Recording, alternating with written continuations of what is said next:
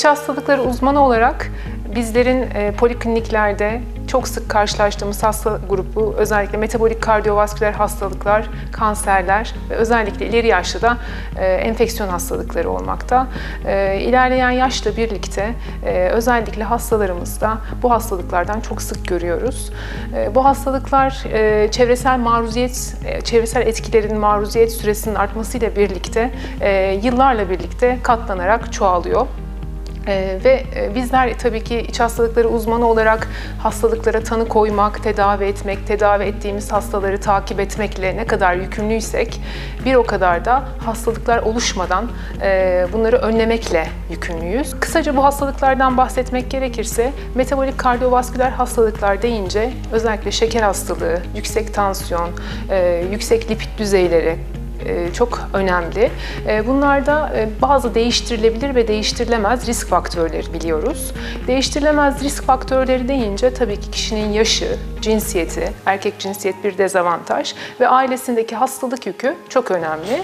Ancak değiştirilemeyen risk faktörlerinin yanında kendi elimizde olan değiştirilebilecek bazı önemli risk faktörleri var.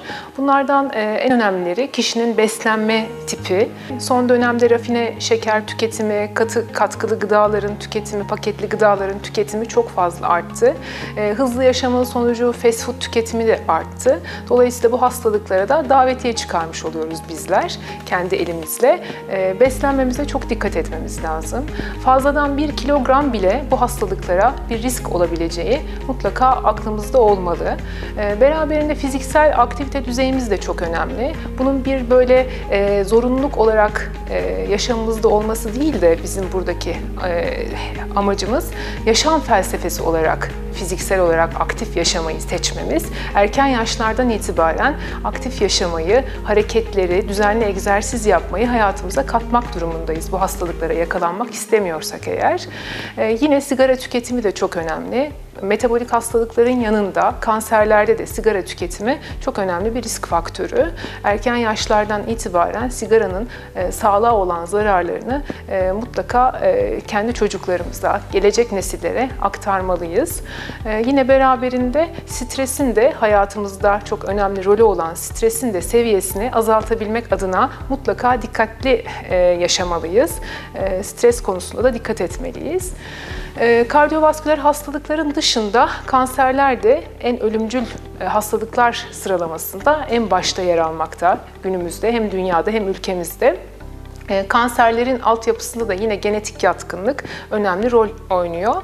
E, ama genetik yatkınlığın yanında beslenme tipimiz ve fiziksel inaktivite yine kanser gelişiminde önemli rolü olan e, faktörlerden. Özellikle bazı kanserler için aile öyküsü daha önemlidir. Bu kanserler başta meme kanseri, kolon kanseri, prostat kanseri, jinekolojik kanserler mutlaka bu kanserlerle ilişkili aile öyküsü olan bireylerin kendi bireysel risklerinin farkında olması ve bu konudaki erken tarama yöntemlerini e, mutlaka hayatlarına geçirmelerini öneriyoruz. Sağlık Bakanlığı KETEM uygulama merkezleri, kanser tarama merkezleri bu konuda çok başarılı.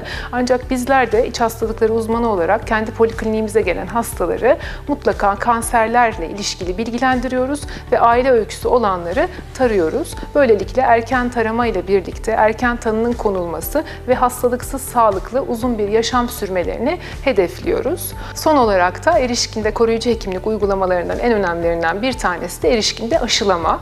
Ee, özellikle dünyada Dünya Sağlık Örgütü ve Sağlık Bakanlığımızda erişkin aşılamasıyı çok e, önemsemekte. Sağlık Bakanlığı'nın ASM'lerde, aile sağlığı merkezlerinde, devlet hastanelerinin aşı polikliniklerinde ve üniversitemizde de aşı polikliniğinde ücretsiz olarak e, zatürre aşısı uygulaması mevcut. Özellikle risk grubundaki hastalar hastalarda ücretsiz olarak, yaştan bağımsız olarak ve 65 yaşın üzerindeki herkese ücretsiz olarak yine e, zatürre aşısı uygulanmakta.